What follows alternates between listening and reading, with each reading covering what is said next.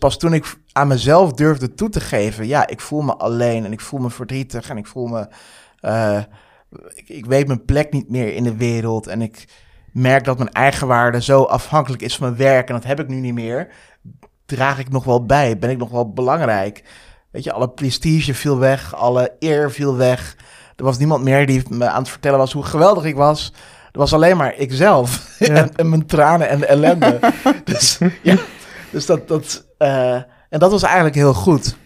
Welkom bij Janneke en Jonathan, de podcast die chocola probeert te maken van het leven. In deze episode onderzoeken Janneke en Jonathan samen met pranic healer Tabo Hollander wat het betekent om spiritueel of religieus te zijn. Na een diepe crisis ontwikkelde Tabo zich van topsommelier tot alternatief genezer en trainer. Iemand die mensen behandelt door middel van energie. Dat is hele andere spirituele koek dan de gereformeerd opgevoede Janneke gewend is. Waar vinden zij elkaar en waar botst het?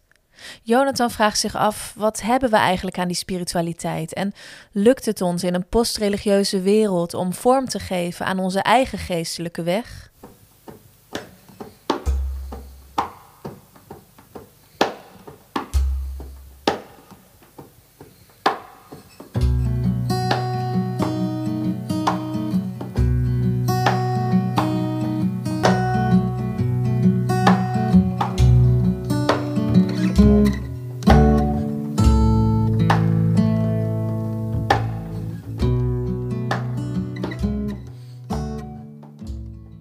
Ja, Tabo, uh, jij bent pranic healer, toch? Dat klopt. Ik weet daar niet veel van. Wil jij uh, daar iets meer over vertellen? Over hoe, hoe ben je daar gekomen? Wat, wat doe je?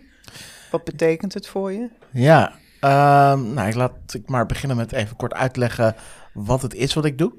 Um, nou, je kunt je voorstellen dat je naast je fysieke lichaam heb je ook een energetisch correspondent. Dat noemen ze ook wel het energielichaam of het etherisch lichaam. Of eigenlijk is het het fijnstoffelijk lichaam, wat ze ook wel het aura noemen, wat eigenlijk uh, correspondeert tot je fysieke lichaam. En waar, ik zit hier nu met mijn fysieke ja, je zit hier met jouw fysieke lichaam. Waar is mijn nou, andere dat, lichaam? Dat, kun je je wel voorstellen, Janneke? nee, nog niet. Maar nee, dat, nou, dat, ga ik je, dat kan ik een beetje beter uitleggen. Nou, je kunt het een beetje voorstellen als, uh, als een uh, spons in een emmer met water. Dus het water is zowel in de spons als om de spons heen. Oh. Dus oh. vanuit, een, uh, uh, vanuit dat perspectief bekeken, de functie van dat uh, etherisch lichaam of dat fijnstoffelijk lichaam is om te fungeren als een mal van je fysieke lichaam.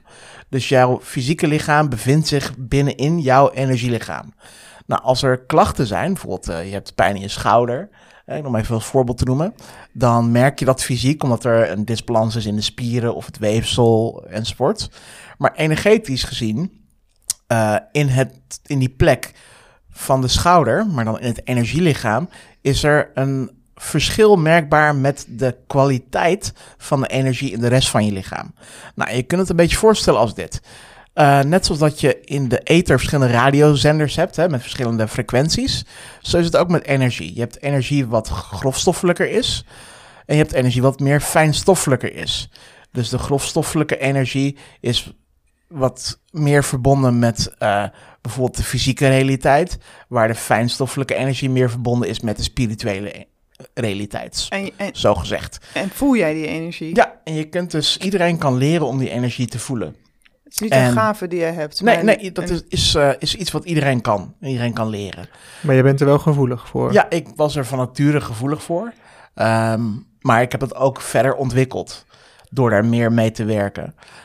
Dus om even terug te komen op het uh, punt met de schouderpijn. Als je dus pijn hebt in je schouders, dan is er op energetisch vlak is dat ook te merken. He, dus dan is de energie, als je een goede helderziende zou zijn, dan zou je dat energielichaam kunnen zien. En dan zou je zien dat de energie rondom de schouder, dat dat groffer is of een donkere kleur heeft dan de rest van het aura of het energielichaam. En dat is ook logisch, want dat is op dat moment waar de pijn is of waar de, waar de klachten zich uh, manifesteren. Dus wat ik doe in, mijn, uh, in de methode waarin ik werk, dat is overigens een methode die ik niet zelf heb bedacht, maar daar heb ik ook maar geleerd. Uh, daarin ben ik getraind om de eerste vervuilde energie op te sporen die ten grondslag ligt aan de klacht. En daarna de vervuilde energie te verwijderen. Door te reinigen, dat gebied te reinigen. En vervolgens nieuwe energie toe te voegen. En dat is gewoon verse, schone levensenergie of subtiele energie. In het Sanskriet noemen ze dat prana. In het Chinees heet dat chi. Misschien heb je wel eens gehoord van tai chi of qigong. Ehm, maar in het Japans heet dat ki. Bijvoorbeeld van reiki of aikido. Dus het komt in heel veel verschillende tradities en talen komt dat terug. En met die nieuwe, verse, subtiele energie heeft het lichaam meer brandstof om zichzelf versneld te herstellen. Dus uiteindelijk is het je eigen lichaam die zichzelf herstelt. Alleen ik help dat proces op gang door de oorzaak van de klacht eerst te verwijderen, die vervuilde energie. En daarna nieuwe, schone, verse energie toe te voegen om het zelfherstellend vermogen van het lichaam die boost te geven om versneld klachten op te lossen. En, en wat zou dan die oorzaak kunnen zijn? Hoe is die energie vervuild geraakt? Nou, die oorzaak kan, uh, kan heel veel verschillende factoren hebben. Bijvoorbeeld als jij je brandt aan iets, hè, ik noem maar wat, uh, je, je brandt je hand aan, uh, aan een frituur, dan is dat gewoon een fysieke actie, hè, een fysieke oorzaak. Maar er is wel een energetisch effect merkbaar. dus je, je kunt dus zo'n probleem helpen op te lossen door dus weer die vervuilde energie op te ruimen. Uh, maar dat, is, dat kan één, uh, één oorzaak zijn, hè? dus een acute uh, trauma, zoals een brandwoord bijvoorbeeld, of een snijwond. Maar andere oorzaken kunnen zijn bijvoorbeeld je eigen emoties of je gedachten. bijvoorbeeld, we hebben allemaal wel eens gemerkt, denk ik, dat als je veel stress hebt of spanning hebt, dat je in je buikgebied dat voelt, of dat je daar spanning of ongemak ervaart. Ja, dat heb ik eh, dat heb ik vaak inderdaad. Ja. ja nou, en dan zou ik naar jou toe kunnen gaan. Inderdaad. Nou, wat er dus gebeurt is op het moment dat je spanning en stress ervaart, dan is er een bepaald energiepunt, dat noemen we de solaris plexus, of de zonnevlecht in het Nederlands, uh, wat uh, het meest aangedaan is. Nou, gezien dat chakra of energiecentrum is aangedaan, uh, heeft dat een effect op de maag en op de darmen, de dunne darmen en op de dikke darm, omdat dat chakra ook die organen controleert en vitaliseert. Dus op het moment dat er daar een disbalans is, dan wordt die disbalans fysiek gemaakt en voelen we dat dus in de darmen en in de, en in de maag. Dus dat is eigenlijk een, een goed voorbeeld van uh, een emotionele klacht die fysiek wordt. Iets anders wat kan zijn is dat als mensen lang last hebben van, uh, van verdriet of eenzaamheid of spanning, dat ze bijvoorbeeld hartklachten ontwikkelen of hoge bloeddruk. Um, maar een andere oorzaak kan bijvoorbeeld zijn virussen, bacteriën. Uh, denk aan uh, ja, dingen die ziekte veroorzaken. Hè? Dus uh, onjuiste hygiëne, um, onjuist dieet, ehm, corona. Ja, inderdaad. Ja, ja, dus het is ook gewoon heel fysiek. Ja. er zijn heel veel oorzaken voor, voor ziekte. En heel veel daarvan zijn, zijn fysiek. maar er zijn ook heel veel oorzaken die niet fysiek zijn. Hè? Bijvoorbeeld onze eigen emoties en gedachten hebben heel erg veel invloed over hoe we ons lichaam voelen. Of hoe, hoe ons lichaam voelt. Als we lekker in ons vel zitten en we voelen ons happy, dan voelt ons lichaam over het algemeen beter dan als we depressief zijn en ons ellendig voelen. Ja. ja dus een uh, goed voorbeeld daarvan. Uh, niet hoe je lichaam, hoe je geest je lichaam ziek kan maken, maar hoe je geest je lichaam beter kan maken. Is van een Amerikaanse wetenschapper, Dr. Joe Dispenza. Die had een auto-ongeluk gehad. Was verlamd. En de artsen zeiden van ja, je, kan, je zal nooit meer kunnen lopen. En simpelweg door zijn eigen gedachten te veranderen. wat hij deed terwijl hij in het ziekenhuis lag, was in gedachten zijn ruggengraat herbouwen. Uh, en dat heeft hij gedurende een aantal maanden gedaan. En na een x aantal tijd kreeg hij gevoel in zijn tenen. Terwijl de wetenschap in principe zegt dat dat niet mogelijk zou moeten zijn. Dus er is nog heel veel onderzoek nodig om daadwerkelijk te kunnen valideren dat deze methode, hè, dat het werken met energie, effect heeft op je gezondheid. En in die zin, wat ik doe, is nog steeds alternatieve geneeswijzen. En het is niet nodig dat mijn cliënten geloven in de methode die ik toepas. Dat maakt niet uit. Maar ik kan ook niet zeggen dat, uh, dat we kunnen. Dat we wetenschappelijk kunnen valideren dat levensenergie bestaat. Ah. Ja, dus degene van wie ik dit systeem heb, heb geleerd, die zei van ja, in oude tijden konden mensen ook niet valideren dat elektriciteit bestond. Maar elektriciteit heeft altijd bestaan. En zo is het hetzelfde met dit. We kunnen nu nog niet valideren dat subtiele energie bestaat. We kunnen wel in een laboratorium de effecten meten van subtiele energie bijvoorbeeld cellen of bijvoorbeeld uh, organen enzovoorts. Dus jij zegt op een dag uh, kunnen we dit wel onderzoeken en, um, ja, en, en wordt die methode gewoon zeg maar, dat is onderdeel van de bestaande kennis dan? Dat denk ik wel. Dus waar we nu zijn, is dat we het wetenschappelijk onderzoek, wordt heel veel wetenschappelijk onderzoek gedaan. Gelukkig ook onafhankelijk wetenschappelijk onderzoek. En we kunnen nu de effecten meten van die energie op fysieke objecten, bijvoorbeeld cellen. En daarvan de effecten fotograferen onder een microscoop en kijken wat er gebeurt met de celwanding bijvoorbeeld. Of de celdeling. Maar we kunnen de energie aan zich niet meten nog. Dus maar wel de effecten daarvan. Dus, maar we komen steeds dichter in de buurt en de wetenschap gelukkig, gelukkig ook. Dus de toegepaste theoretische fysica ehm, en het onderzoek wat ze onder andere doen met de deeltjesversneller, dat neigt allemaal richting deze hoek. En ik hoop dat over een x aantal jaar uh, de wetenschap en de spiritualiteit meer met elkaar verbonden is. En uh, dat we daadwerkelijk een meer houvast kunnen hebben en meer kennis kunnen hebben over, uh, over energie en hoe dat een effect heeft op de aspecten van ons leven. Mm -hmm. En dus dat jij deze vorm van healing nu beoefent, dat is een uitkomst van dat hele pad wat jij be ja. bewandelt. Ja, dus dat ik deze vorm van uh, deze behandelmethode beoefen, heeft er vooral mee te maken dat het mij heeft geholpen. Ja. Ik heb nog een gezondheidscrisis gehad in mijn leven. Dat was uh, waarin ik een, uh, een lekkende hartklep had. En door deze methode is dat voor een groot gedeelte gerepareerd. Dus dat is een puur, of dat was een, met name een fysiek probleem, een aortaklep lekkage. Um, Klinkt heftig. Ja, en dat moest eigenlijk geopereerd worden. En door deze methode toe te passen. Um, heeft wel een tijdje geduurd, heeft een half jaar geduurd van uh, wekelijkse behandelingen. Uh, maar ik, ja, kan ik aantoonbaar, uh, was er een aantoonbaar verschil. En was het voldoende verschil voor de cardioloog om te zeggen van, nou ja, we hoeven de operatie niet te plannen. Ja. en je kan over de komende die hoef je de komende paar jaar ook niet meer te zien. Heb je, en heb je toen tegen die arts gezegd, moet je luisteren, dat komt door die sessies die ik heb gedaan? Ja, dat heb ik gezegd. Uh, want ik had, was, we gingen natuurlijk van een plannen van een operatie en de echo's die daarvan zijn. Ja. En dat ik zei van ja, ik geloof dat er een andere methode is die beter aansluit. En die arts, de cardioloog zei van nou ja, probeer het vooral, maar uh, heb niet al te hoge verwachtingen. Uh, en dat had ik ook niet. Ik dacht, nou ja, goed, uh, baat het niet, dan schaadt het niet. Ja. Uh, maar ik kan dus zien, het verschil zien in de echo's tussen voor en na. En dat is gewoon een verschil. Bovendien, ik had mijn leven weer voor een groot deel terug. Ja, kwaliteit van leven en ik kon weer dingen doen die ik daarvoor niet kon. En uh, heb je het daar met die cardioloog ook nog over gehad?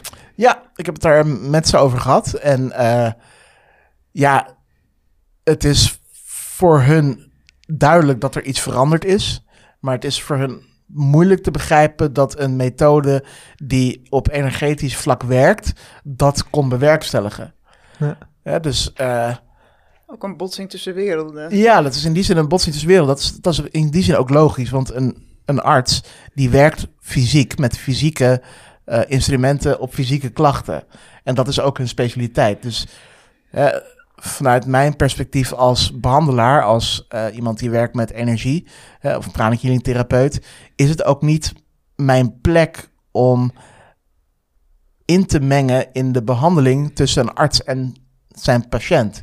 Uh, dus de arts werkt op fysiek niveau en ik werk op energetisch niveau, maar we werken aanvullend aan elkaar. En dus in die zin, ik gebruik, ik heb ook medicijnen gebruikt en ik gebruik nog steeds medicijnen. En dat is oké, dat is prima en daar heb ik uh, profijt van. Want dat is voor een fysieke aandoening. Uh, maar tegelijkertijd kan een energetische behandelmethode daar wel ondersteuning in bieden. En in mijn geval uh, was dat een verschil van dag en nacht.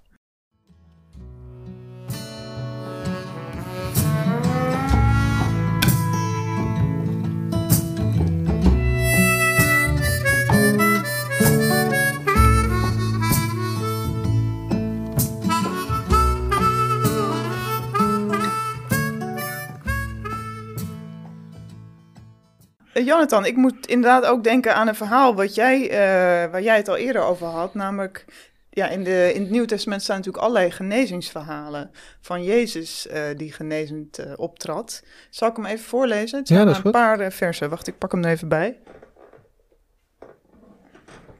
En ik denk, er zijn, um, er zijn misschien overeenkomsten, maar er zijn denk ik ook verschillen. Um, Oké. Okay. Um, ja, eerst even vooraf. Jonathan, ik ken dit echt als een kinderbijbelverhaal. En in de kinderbijbel is het soort met geuren en kleuren verteld. En nu lees ik het in Marcus 2 en is het eigenlijk een beetje een, um, een heel kort verhaaltje. Nou, ik lees het eens even voor. Uh, er staat, uh, toen Jezus enkele dagen later terugkwam in Cafarnaum, werd bekend dat hij weer thuis was. Er stroomden zoveel mensen toe dat er zelfs voor de deur geen plaats meer was. En hij verkondigde hun Gods boodschap. Er werd ook een verlamde bij hem gebracht, die door vier mensen gedragen werd. Omdat ze zich niet door de menigte konden wringen, haalden ze een stuk van het dak weg boven de plaats waar Jezus zat. En toen ze een opening hadden gemaakt, lieten ze de verlamde op zijn draagbed naar beneden zakken. Bij het zien van hun geloof zei Jezus tegen de verlamde: Vriend, uw zonden worden u vergeven. Einde verhaal. Ja, het is natuurlijk, ik vind het echt een prachtig verhaal. Dus die, die kerel komt zeg maar, gewoon uit de hemel uh, neerdalen uh, bij Jezus. En natuurlijk in de kinderbijbel gaat het dan altijd over de, ook die lieve vrienden die zo toegewijd zijn uh, naar hun, hun verlamde vriend. Maar wat denk ik ook heel interessant is, is dat er staat bij het zien van hun geloof, dus kennelijk ook van de vrienden, zegt Jezus, vriend, uw zonden worden u vergeven. Dus het lijkt alsof er een soort link is tussen de hoeveelheid geloof die je hebt en genezing. En ook dat vergeving van zonde iets te maken heeft met genezing. Dus kennelijk is er heil, heelheid, uh, hoort dat bij elkaar. Ik moet eerlijk toegeven, ik word er ook een beetje zenuwachtig van. Uh, dus ik, ik, ook eigenlijk. Ja, vertel. Ja. Nee, nee, nee, Janneke, jij eerst. Ja, oké. Okay, nou, ik. Um, nou ja, er is natuurlijk ook in de christelijke traditie heb je ook mensen die zeggen of die suggereren als je ziek bent, uh, dan moet je gewoon bidden en dan kun je genezen worden. En als je niet hard genoeg bidt, of dan als je niet genezen wordt, heb je niet genoeg geloof. Of überhaupt misschien de link tussen um, zonde en ziek zijn. Um, ja, die vind, ik, die vind ik naar en eng eigenlijk.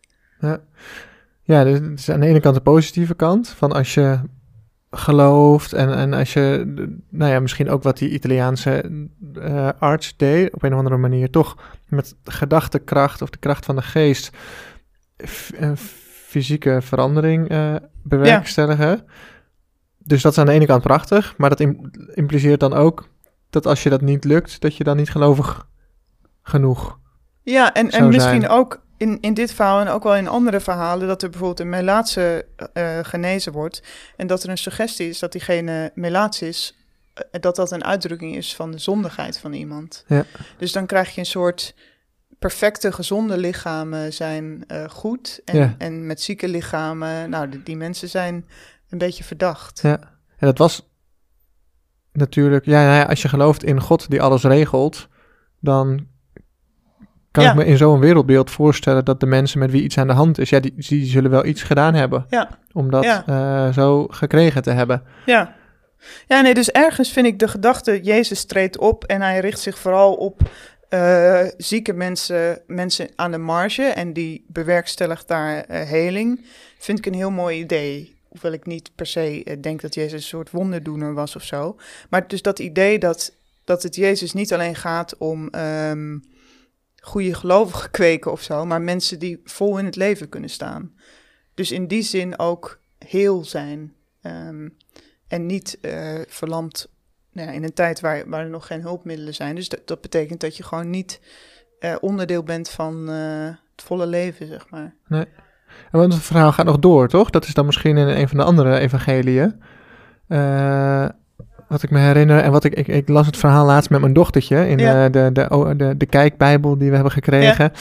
En uh, dan, uh, dan zijn er uh, de schriftgeleerde fariseërs ja. in, in de house. En die zeggen van, wie denkt die vent wel niet dat hij is, dat hij zonde kan vergeven. En dan beginnen ze te morren. En dan, Jezus die vangt dat op en die zegt, wat denk je dat makkelijker is? Om iemands zonde te vergeven of om hem te vertellen dat hij op moet staan. En dan zegt hij tegen die, tegen die gast, eh, sta op en wandel. Legendarische woorden. en die gast die staat op en die wandelt weg. En iedereen zo, what? Ehm, ja, ik vind het Ja, wel mooi dat hij dus ook nog het- even ja. zo... Maar dat, maar dat, dat eerst het... ehm, dus, nou ja, misschien eerst de spirituele dimensie wordt aangepakt. Eh, misschien was dat wel, nou, dat vind ik ook altijd wel een interessante lezing. Van misschien was dat wel het eigenlijke probleem. Misschien str- Ja. struggelde die man daar nog meer mee en zag Jezus dat op een of andere manier. Misschien zag hij er wel hartstikke depressief uit. Ehm, en, en had Jezus zoiets van ja, maar dat. En, en vervolgens doet hij er nog een schepje bovenop door hem ook nog even eh, op te richten. Ja, en, dus- ja, dus hij heeft eerst zijn eh fijnstoffelijke lichaam gereinigd. En, daar, en dat bleek, eh, of daarna, of dat bleek ook effect te hebben op zijn... eh, echt- ja, hoe, hoe kijk jij naar dit verhaal, Tabo? Ja, ik, ik vind het een, eh, een mooi verhaal. En ehm, er is heel veel om, om, om a lot to unpack, zeggen ze dan wel eens. Eh, dus aan de ene Ja. kant, je, je, je eerste vraag was van... is, er, een- is er een link tussen het ervaren van heelheid en het ervaren van zonde? Of is er een, hè, of is er een verschil, of is er een, een link tussen gezond zijn en je geloof? Ja. En is er een link tussen ziek zijn en dus zondig zijn? Of, Ja. of, of gebed en ziek zijn. En als Ja. je hard genoeg bidt, dat je dan beter wordt of beter bent. Ja, ook met de aantekening trouwens, ik kom uit de protestantse traditie, dus daar heeft zonde ook een soort, beetje zware lading van mensen zijn slecht en mensen zijn zondig. Terwijl ik ook wel denk, je kan ook naar zonde kijken als iets dat simpelweg mensen belemmert om eh, hun doel, ja, om het leven te leven. Dus, dus eigenlijk hoe jij eh, jezelf omschreef als sommelier, dat was niet de echte tabo. Dus je Ja. zou kunnen zeggen dat was zonde. Niet omdat jij... eh, niet omdat jij slechte dingen deed, maar omdat jij niet Ja, op weg nou, was naar je ja. bestemming, als het ware. Vind ik eigenlijk wel een mooie, een mooie benadering van, van eh, zonde op die manier. Eh, Het woord heeft daar toch ook mee te maken? Het, eh, je doel missen, eh, Ja, als in de ja, boogschutter die zijn doel mist. Ja, ja, ja, Ja. dat vind ik wel een mooie. is dat jouw eh, evangelische of Pinkster achtergrond waar je dat... eh, Nee, nee, nee, Oh, nee dat- daar, wa- dat- daar was zonde echt nog slecht. Eh, Oké, nee, ja. dat heb ik la- later hoorde ik dat zonde ook dat kon betekenen. Toen Ja. dacht ik, ja, dat, dat is een mooie interpretatie. veel lichter, hè? ja, ja, Veel, precies. Ja. En ook meer betekenisvol. Of tenminste, je kan er dan wat mee. Eh, Ja. Dus het impliceert een doel en wel een juiste richting. Nou, dat is wel hartstikke mooi. Maar het laat hij ook open. Ja, Ehm, ja, Wat dat doel dan kan zijn. En zij, Ja. ja, in mijn oude omgeving zouden ze zeggen... Ja, je doel is om Jezus te vinden of te omarmen. En nou ja, dat niet alleen. Je moet ook gewoon mensen helpen en alles. Maar dus blijf je daar maar een beetje zitten. ja. Praisen. Ja. Eh, sorry, Tabo, wat wil jij zeggen? Nou, ik, ik- en, en, ja, om maar even terug te komen. Ik vind het zelf best wel gevaarlijk. En, en ik krijg er ook een beetje de kriebels van. Net zoals dat jij zei, Janneke. Van het idee van als je ziek bent, dan heb je niet hard genoeg gebeden. Of als je... eh, of dan, dan leef je te veel in zonde, of wat dan ook. Ja, ik vind dat... Maar, wat, maar eh, jij, ehm, dus jij bent bezig met mensen die een gezondheidsprobleem Ja. hebben, maar niet alleen gezondheidsproblemen, Nee, toch? nee, inderdaad ook mensen die, eh, die emotioneel... eh ja, dat stukje emotionele gezondheid, dus dat is in die zin ook gezondheid. Ja. Uh, maar die daarmee vastzitten of die, ehm, hè, of die spiritueel vastzitten, die het idee hebben van ja, ik weet niet wat ik hier doe en wat mijn functie is. En natuurlijk kan ik ze dat niet vertellen. Nee. dat kunnen, kunnen mensen echt alleen maar zelf bedenken. Uh, maar ik kan daar wel in begeleiden om daarin te helpen. Om, hè, om, zodat ze zelf, uiteindelijk gaan ze zelf hun pad zien en hun pad bewandelen hopelijk. Maar je kan wel helpen door, uh, ja, door misschien wat zaadjes te planten, waardoor de helderheid komt op dat pad. En ik denk dat waar het gaat om ziekte hè, en gezondheid, um, denk ik dat, zie ik dat wel los van, uh, zie, ik dat, zie ik dat op een andere manier. Dus als ik het helemaal tot in de essentie terugbreng, naar hoe ik er naar kijk, dan zie ik dat ziekte een functie heeft. En dat, uh, en ik bekijk het zo dat we allemaal in die zin een ziel zijn. Dus we zijn allemaal een vonkje van dat, van het, goddelijke, van het goddelijke licht, of hoe je het ook maar wilt noemen, of van het goddelijke, is ook in ons. En we hebben als ziel een menselijke ervaring. We zijn in vlees geworden of in incarnatie en we leven ons leven. En daarna als we, als we gaan we dood en dan, uh, en dan komen we weer, worden we weer één met dat grotere licht. En daarin groeien we als ziel. Hè? En we kunnen, ons, we kunnen dus de realiteit bekijken vanuit de identificatie met ons fysieke lichaam. En we kunnen de realiteit bekijken met de identificatie vanuit onze ziel. En ik, als ik uitzoom en de realiteit bekijk vanuit de ziel, hè, die verschillende incarnaties heeft gedurende de eonen van tijd, althans dat is wat ik geloof, uh, dan geloof ik dat ziekte een functie heeft waarin het je focus kan weerleggen, um, zodat je bepaalde dingen kunt leren. En net zoals andere lijden ook een vorm van een kans tot lering kan zijn. Dus soms gebruikt de ziel een ziekte om zijn aandacht te, te verleggen om op een bepaald aspect van de realiteit of het leven waar je van kan leren. En als ik terugkijk naar mijn eigen leven en naar het lijden in mijn eigen leven, bijvoorbeeld de hartklachten die ik heb gehad, dat was een ziekte, dat was vervelend en had ik last van en al die dingen meer. Maar tegelijkertijd heeft het me heel erg veel geleerd. Daardoor heb ik compassie moeten ontwikkelen voor mezelf en geduld voor mezelf. En ik moest wederom leren dat mijn eigen waarde niet afhankelijk is van wat ik allemaal kan en wat ik doe. Maar wat, was er toch weer ingeslopen? Ik was er weer ingetrapt, inderdaad. Maar echt wat er, in, wat er in mezelf afspeelt. Dus voor mij was dat, was die ziekte was een tweede kantelpunt in mijn leven, waarin mijn aandacht weer op een juiste manier gefocust werd op wat er echt toe doet, wat er echt belangrijk is. En kon ik mijn leven gaan leiden vanuit de essentie van wie ik ben, de essentie van die ziel en de waarden die daarmee gepaard gaan. Dus in die zin, wat is heelheid voor mij, is balans tussen, ja, balans in het leven. Dat is misschien heelheid voor mij. Dat, dat ik aan de ene kant me identificeer met mijn leven hier, met mijn lichaam, met uh, het leven van alle dag. En dat ik daar aandacht en tijd aan besteed. Hè, dus het, uh, de yin-kant. Maar aan de andere kant dat ik me ook verbind met het spirituele aspect, met mijn ziel, met de yang-kant. En dat ik probeer die twee te ver, verbinden tot een holistisch, gebalanceerd geheel, waarin ik zowel in het hier en nu kan zijn, concreet, uh, en ja, weet je, gericht op, op, op het leven hier uh, en op de materie. Maar tegelijkertijd ook spiritueel kan groeien en uh, me kan verdiepen in de filosofie en abstractere onderwerpen en daar ook in kan groeien. Zoiets. En daar in balans proberen te zoeken en daar dus heling in vinden. Huh? Wat is voor jou heelheid, Janneke? Ja, ik zit uh, heel ingespannen naar Tabo uh, te luisteren. Um, nou, het heeft wel, het heeft voor mij ook wel echt te maken met um, wat jij zo mooi zegt, je eigen pad bewandelen. Dus, dus heelheid is voor mij inderdaad dat ik de ruimte en de tijd voel om, um, om, ja, om te doen of te zijn uh, wat bij me past. Dus ik voel me niet heel als ik uh, veel stress heb of als ik voor mijn werk allemaal dingen moet doen waarvan ik denk, um, ik kan het niet, ik wil het niet, ik zie het nut er niet van in. En als ik dingen doe waarmee ik, dus dingen doen waarmee ik samenval, ja. dan, uh, dat is heelheid voor mij. Samenvallen. Ja, ja. Mooi.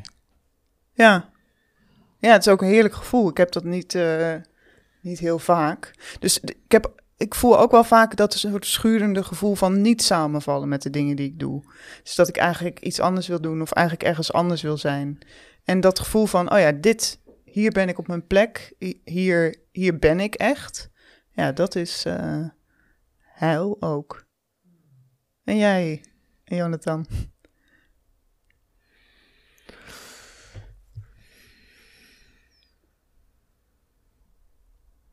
Ja, het heeft verschillende lagen, denk ik. Dus ergens um, ik hou er soms ook wel van om mezelf gewoon even als organisme te zien.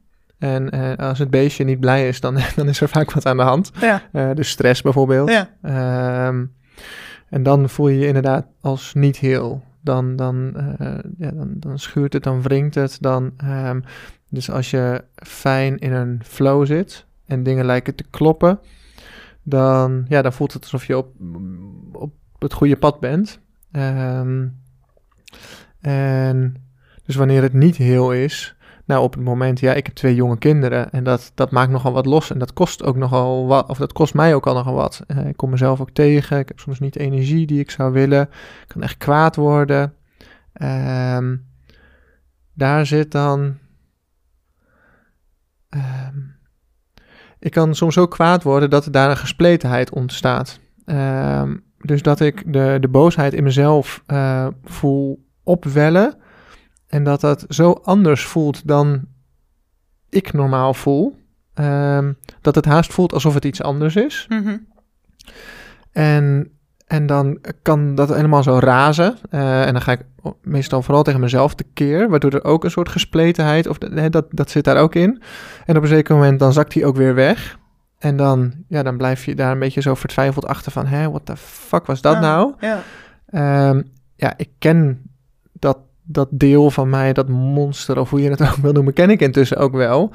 Ehm, maar daar, dus daar, dat is wel een voorbeeld waar ik zowel eh, eh, ge- ja, gebrokenheid of gespletenheid ervaar, als ook heelheid kan ervaren. Dus als het, ehm, soms is het er gewoon niet, meestal is het er godzijdank gewoon niet. Het is echt op momenten van stress, dus het is ook weer nou ja, het, het, het beestje kan het niet aan, zeg maar, en, en, en, en, en, en flipt, kortsluiting of iets Ja. dergelijks.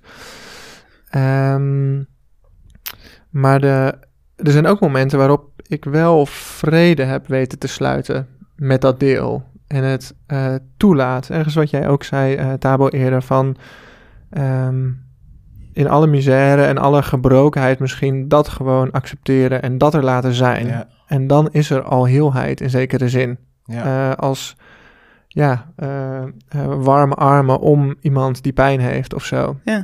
Ehm, de, nou, dat, dus dat is wel eh, eh, dat is een ervaring van heelheid die mij wel heel dierbaar is. Ja. Maar goed, het blijft ehm, ook weer niet heel per se. Want daarna kan ik alsnog fucking kwaad worden. Ja, maar, maar je kan misschien ook heelheid ervaren in de erkenning dat er gespletenheid is. En dat er van alles eh, aan de hand kan zijn. Ja, ja. Ja, dus inderdaad, door dat te accepteren, ehm, kun je er weer een, nou ja, of een laag dieper in zakken of een laag boven stijgen. Ik, ehm, Of het integreren. Of, eh, ja, Ja. Hoe, Ja. hoe hoor jij dat, eh ja, ik, ik ben het daar compleet wel mee eens. Ik denk dat door het te erkennen, eh, integreer je het en, en schijn er een licht op, als het ware. Hè, dus dat wat je niet erkent, daar vecht je tegen. Alles waar je tegen vecht, kost energie. En omdat je er tegen vecht, groeit het ook, in die zin. ja, En hè, het mooie verhaal van het monster bij het kasteel, eh, zeg maar, wat iedereen vast wel kent uit de kindertijd. Van een groot monster wat bij een groot kasteel stond. Want de koning was op jacht. Ik ken eh, het niet. Nee, ik ook het- niet. Het, Vertel. gro- het grote monster, het, het grote monster dringt het grote kasteel binnen waar de koning woont. En, ehm, en ontmoet daar een paar bewakers die zeggen: Monster, ga weg. Je bent lelijk, je bent ellendig, ik wil je niet. En bij elk negatief woord groeit dat monster in formaat. Eh, totdat het zo groot is dat hij alle bewakers aan de kant schuift en pontificaal in de troon van de koning gaat zitten en eh, daar hof gaat houden. Nou, de koning komt terug van de jacht en eh, wordt begroet door zijn bewakers die het verhaal vertellen van het vreselijke monster dat nu het kasteel heeft ingenomen. En de koning die is wijs en die zegt, nou dat komt wel goed, ik weet wel wat ik zal doen.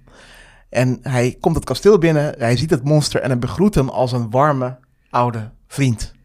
En zegt, wat ben ik blij om je te zien en wat ben je welkom. En met elk lief woord krimpt dat monster totdat het uiteindelijk oploste in het niets. En het is een mooi verhaal, want ik denk dat het ook een beetje is met onze eigen aspect van onze persoonlijkheid, waar we soms wat minder blij mee zijn. Dat zien we als een monster, dat willen we eigenlijk niet. Maar Ja. door dat weg te drukken of daarmee te vechten, groeit het. Maar juist als we het omarmen als onderdeel van onszelf, als een oude vriend, dan mag het er zijn. En dan schijnen we er een licht op en dan wordt het kleiner en wordt het minder.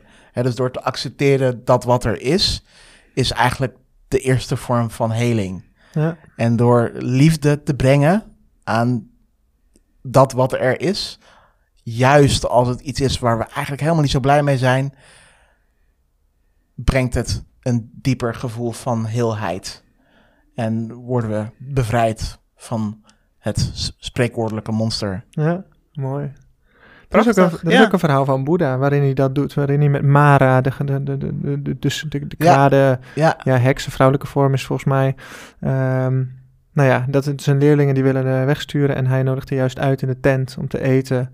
En, eh, en dan zijn ze, ook al zijn ze soort van licht en donker, zwart en wit. Alsnog zijn ze bij elkaar en is het dan goed. En laat Mara hem daarna, daarna ook weer met rust. Ja, ja, Ja, en, maar, dan ook weer, ja, ik kan dat niet laten. In de christelijke traditie, hè, dan, dan ehm, wordt Jezus in de woestijn geconfronteerd met de duivel, of de, de, de tegenstander, beter gezegd, eh, Satan. Ehm, en die, die zegt wel de hele tijd, eh, eh, opbokken, jij. Ja. Eh, ja, en daar is het veel meer het licht strijd tegen de ja, duisternis. precies, ja, ja. En ehm, in, in de praktijk is het ook wel zo, bijvoorbeeld, nou ja, als ik over mijn woede spreek, woede is heel lelijk. Dus ik schaam me daar ook voor, eh, mijn geliefde. kan ook niet goed omgaan met woede. Dus dat, dat, dat wordt daar alleen maar erger door. Ehm, schaamte en schuld is helaas wel echt verweven geraakt ehm, met het christendom. Ik bedoel, dat had Jezus niet voor ogen, lijkt me. Ehm, maar We op- weten het niet, maar Nee, nou ja, hij had het daar niet heel veel over. nee, van je moet je schamen en. eh, nee, juist niet. Hij wilde dingen aan het licht brengen. eh, en, en dingen naar boven halen. Maar op een of andere manier is dat wel in die traditie en die hele cultuur terechtgekomen.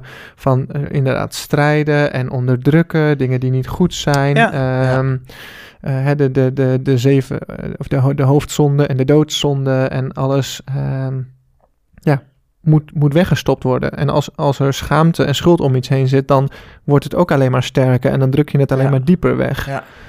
Dus dat, eh, ik vind dat daarin, de, als we het dan over tradities hebben, eh, vind ik dat ook echt zo'n ja, prachtige toegevoegde waarde. Dat die Oosterse tradities steeds meer deze kant op komen en ook deels dat licht laten schijnen. Wat, wat de psychoanalyse ook al eh, deel, eh, die had het er ook al over, van het integreren en het. ehm, Ja, maar ik denk dat er in, in allebei de, de interpretaties zit ook wel, zit wel wijsheid. Ik bedoel, aan de ene kant, ja, ik zeg net van je moet accepteren dat wat er in je is. En door dat te accepteren eh, kun je het loslaten. Maar sommige dingen, er is natuurlijk een balans tussen, tussen hoe je uiting geeft aan die zelfliefde bijvoorbeeld. Hè, bijvoorbeeld, stel je voor, eh, ik, ik hou van een glas wijn. Hè, dat vind ik, daar geniet ik van. Eh, ik ben sommelier geweest, hè, zoals ik al vertelde. Dus ik geniet nog steeds van een lekker glas wijn. Maar een alcoholverslaving is niet zo slim. nee. En nou kan ik zeggen van ja, ik accepteer dat ik hou van een glas wijn. Dus ik zoek dat steeds vaker op. Ja. Eh, maar is dat dan slim om te doen? Of is het dan slim om te zeggen ophokken? Dat wil ik niet, want ik wil dit pad bewandelen en daar horen deze keuzes bij. Ja. Dus weet je, er is een balans. Ja, is En waar. daarin zie ik ook wel dat er met sommige aspecten is het heel is het nodig om eh, wel een harde lijn te trekken en te zeggen van tot hier en niet verder. Ja.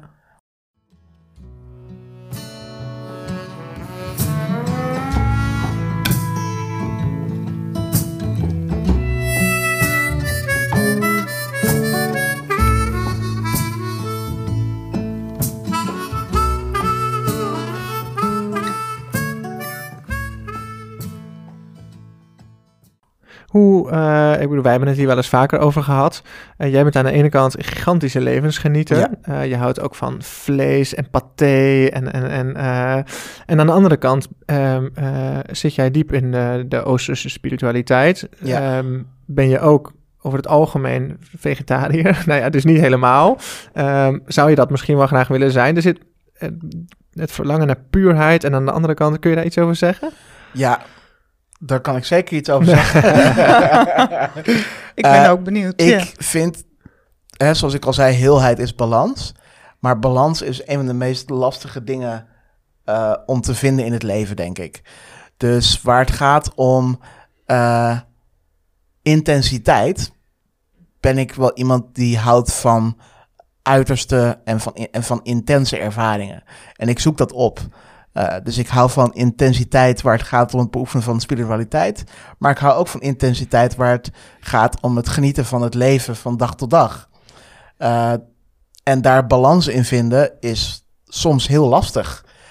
Want de nuance is waar heel veel winst te halen valt, in die zin. Uh, maar het is natuurlijk heel makkelijk om te gaan naar uiterste. Ja. Uh, en als ik kijk naar mijn verleden, dan heb ik dat ook wel gedaan. Hè? Ik heb echt wel jarenlang uh, heel devotioneel, veganistisch geleefd. urenlang mediteren elke dag en al die dingen meer. Hè, dus dat, dat, dat, dat heb ik ook gedaan. Maar ik heb ook het tegenovergestelde geleefd. Hè? Uh, gezopen. Gezopen. en, uh, evenveel wiet gerookt als dat er regenwouden zijn aangeplant in de Amazone. enzovoort, enzovoort. Hè, dus, dus allebei de kanten. Uh, maar om, en, om te proberen dus balans te vinden, om aan de ene kant is heel lastig, want het zijn twee uitersten. Het een is grofstoffelijk en het andere is fijnstoffelijk. Het een is yin, het andere is yang. Het een is, uh, is heel erg fysiek en is uh, materialistisch en is verbonden met de fysieke realiteit. En het ander is verbonden met je ziel en met je spirituele realiteit. Nou, dat zijn al twee uitersten. Dus om die twee met elkaar te verenigen is heel moeilijk. Um, hoe kom jij daar, uh, hoe, hoe, hoe kom ik daar, daar de balans hoe, in? Hoe vind ik daar balans in? En daarna ben ik ook benieuwd naar Janneke, hoe dat uh, in, uh, met haar idealen en de dagelijkse praktijk zit. nou ja, ik, ik, ik ben daar zoekende in. Laat ik het zo zeggen, ik, ik zie dat ik daar heel erg in ben gegroeid. Als ik kijk naar waar ik nu ben, naar waar ik tien jaar geleden ben. Maar nog steeds ben ik daar nog steeds zoekende in. Ik, ik worstel nog steeds af en toe met het zoeken van een juiste balans tussen uh, wat ik wil spiritueel gezien en wat ik wil materialistisch gezien of wat ik wil uh, puur fysiek gezien.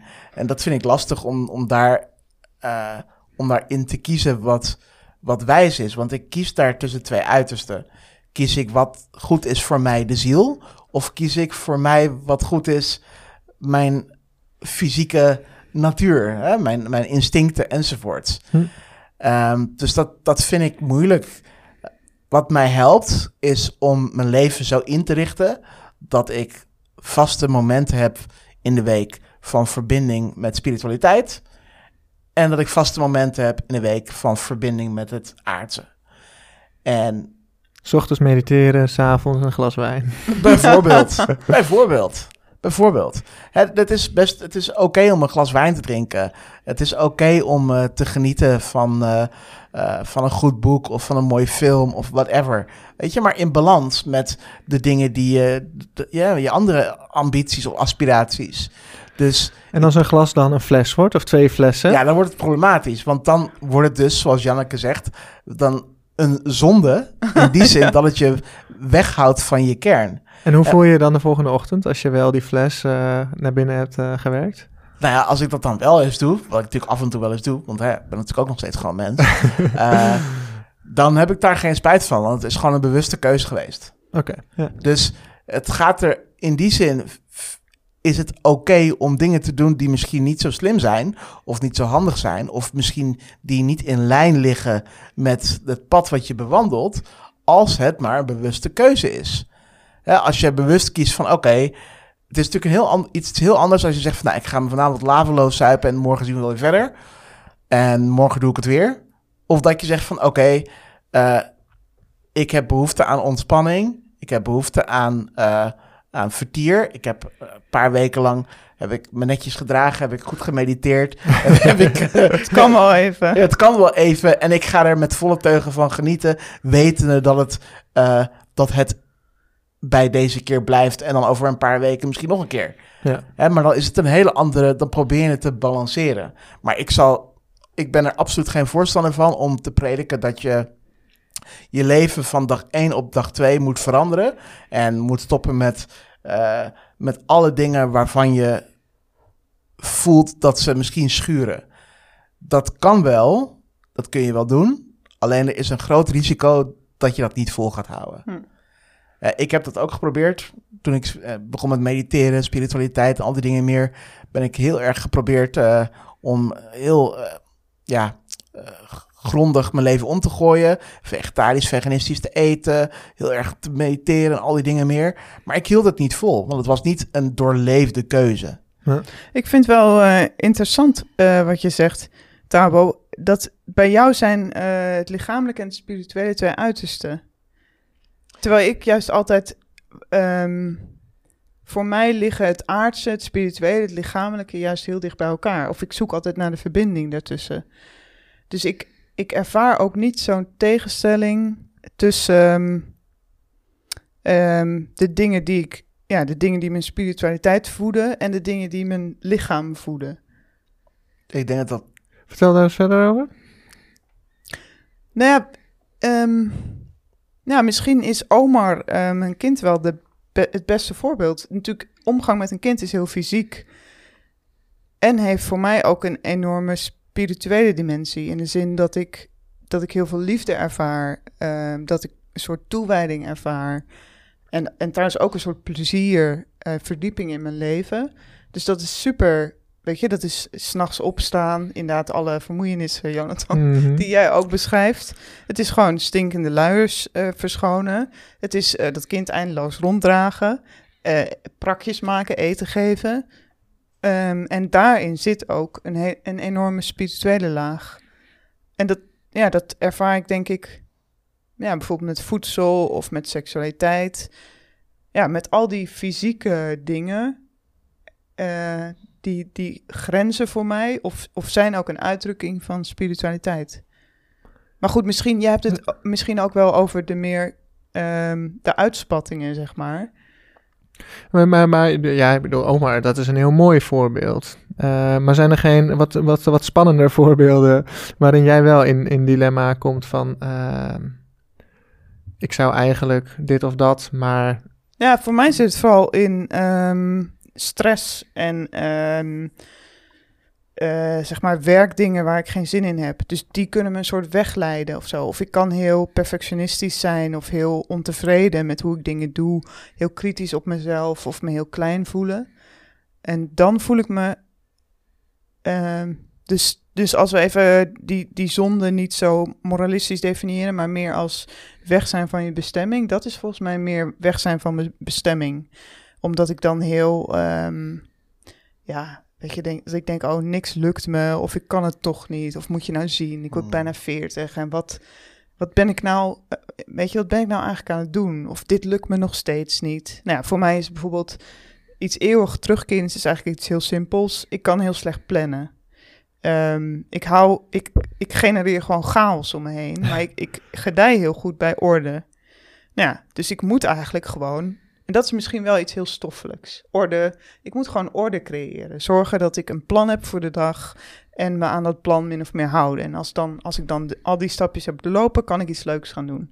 Dat vind ik echt vind ik heel moeilijk en dan kan ik me heel, eh, kan ik ook een beetje in ondergaan, dat ik dan Weet je, dat me dat niet lukt, dat ik daar gefrustreerd over ben, dat dat monster inderdaad steeds groter wordt.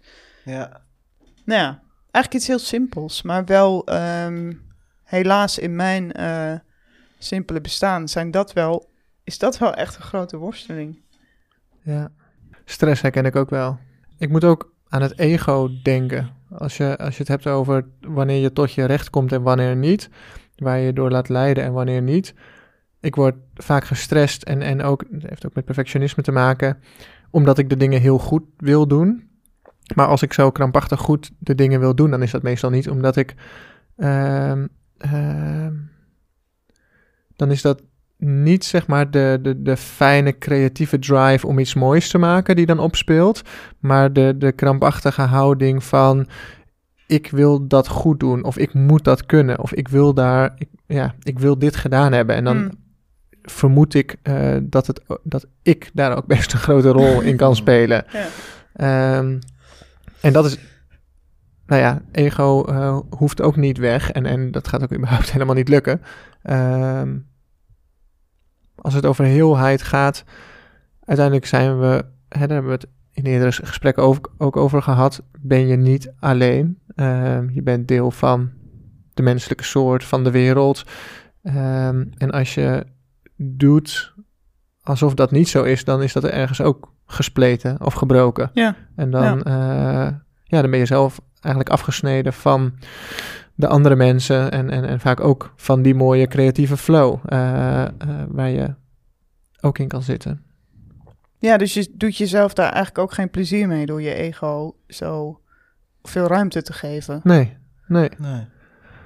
Soms dan, uh, ik bid over het algemeen niet heel veel. Een van de weinige dingen die ik met enige regelmaat bid is, um, laat mij um,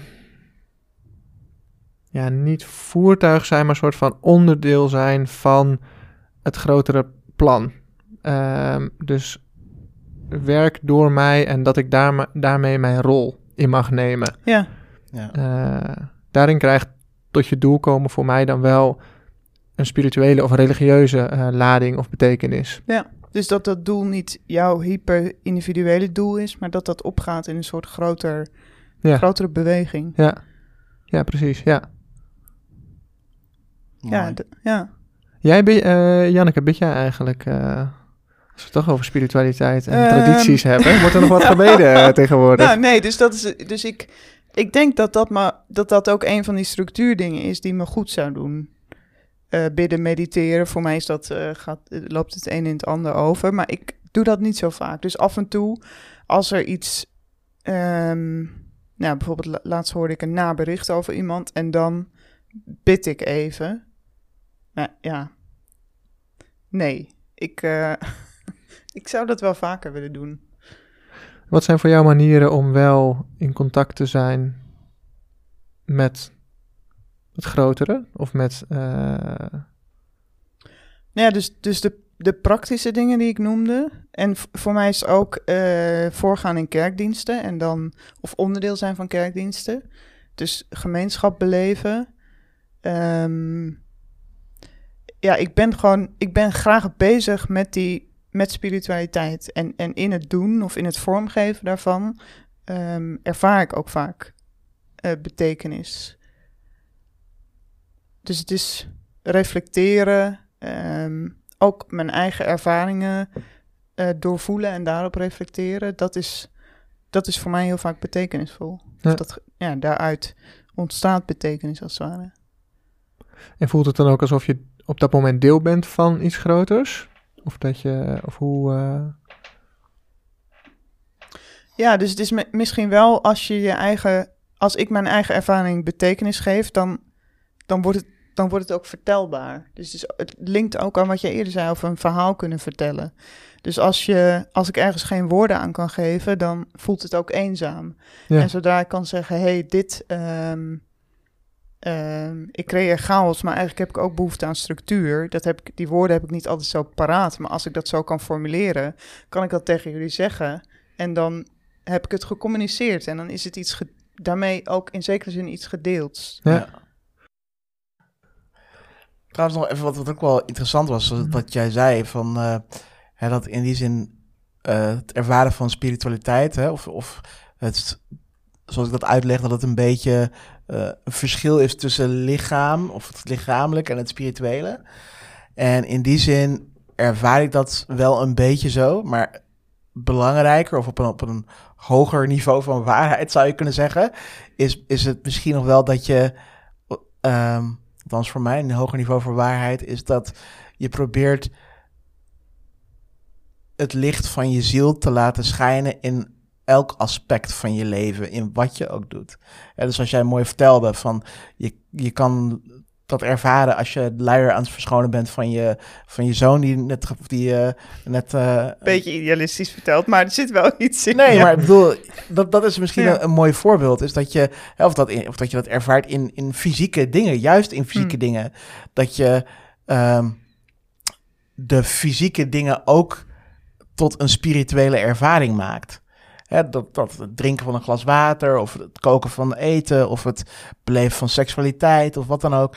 Dat dat allemaal een ervaring kan zijn van het goddelijke. Um, of het lopen door de natuur, of ik noem maar wat. Uh, en, en dat vind ik eigenlijk een nog mooiere vorm van spiritualiteit. Dat je liefde en licht brengt in, in, in alles wat je doet. En soms lukt dat meer, soms lukt dat minder natuurlijk. Iets mij. Ja, nou ja, dus dat, ik denk altijd, wees in godsnaam aanwezig hier, nu, in je lichaam, in dit leven.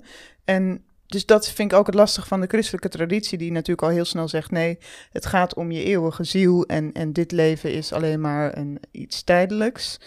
Ehm, dus dat, daar heeft mijn focus op, nee, dit leven is zo mooi, het is zo waardevol. Ja. En je hebt nu hier één leven, het duurt maar kort. Ehm, laten we er samen iets moois van maken.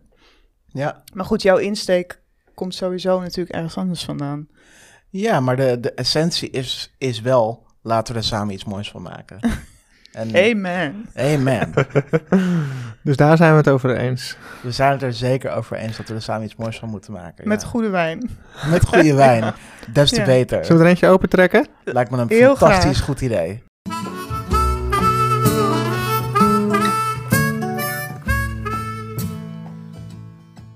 Leuk dat je luisterde naar het eerste deel van het gesprek met Tabo Hollander. Het is nog niet afgelopen. In het tweede deel gaat het gesprek dieper in op de rol van religieuze en spirituele tradities.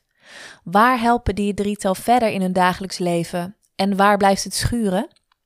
Tabo vertelt over de crisis die hem leerde om zich over te geven en over zijn pogingen om te komen tot een sluitende theorie over het bestaan. Zou het hem gelukt zijn? dit nu leven. Dit is dit nu leven. Dit is leven. Dit is nu leven. Dit is leven. Dit is leven.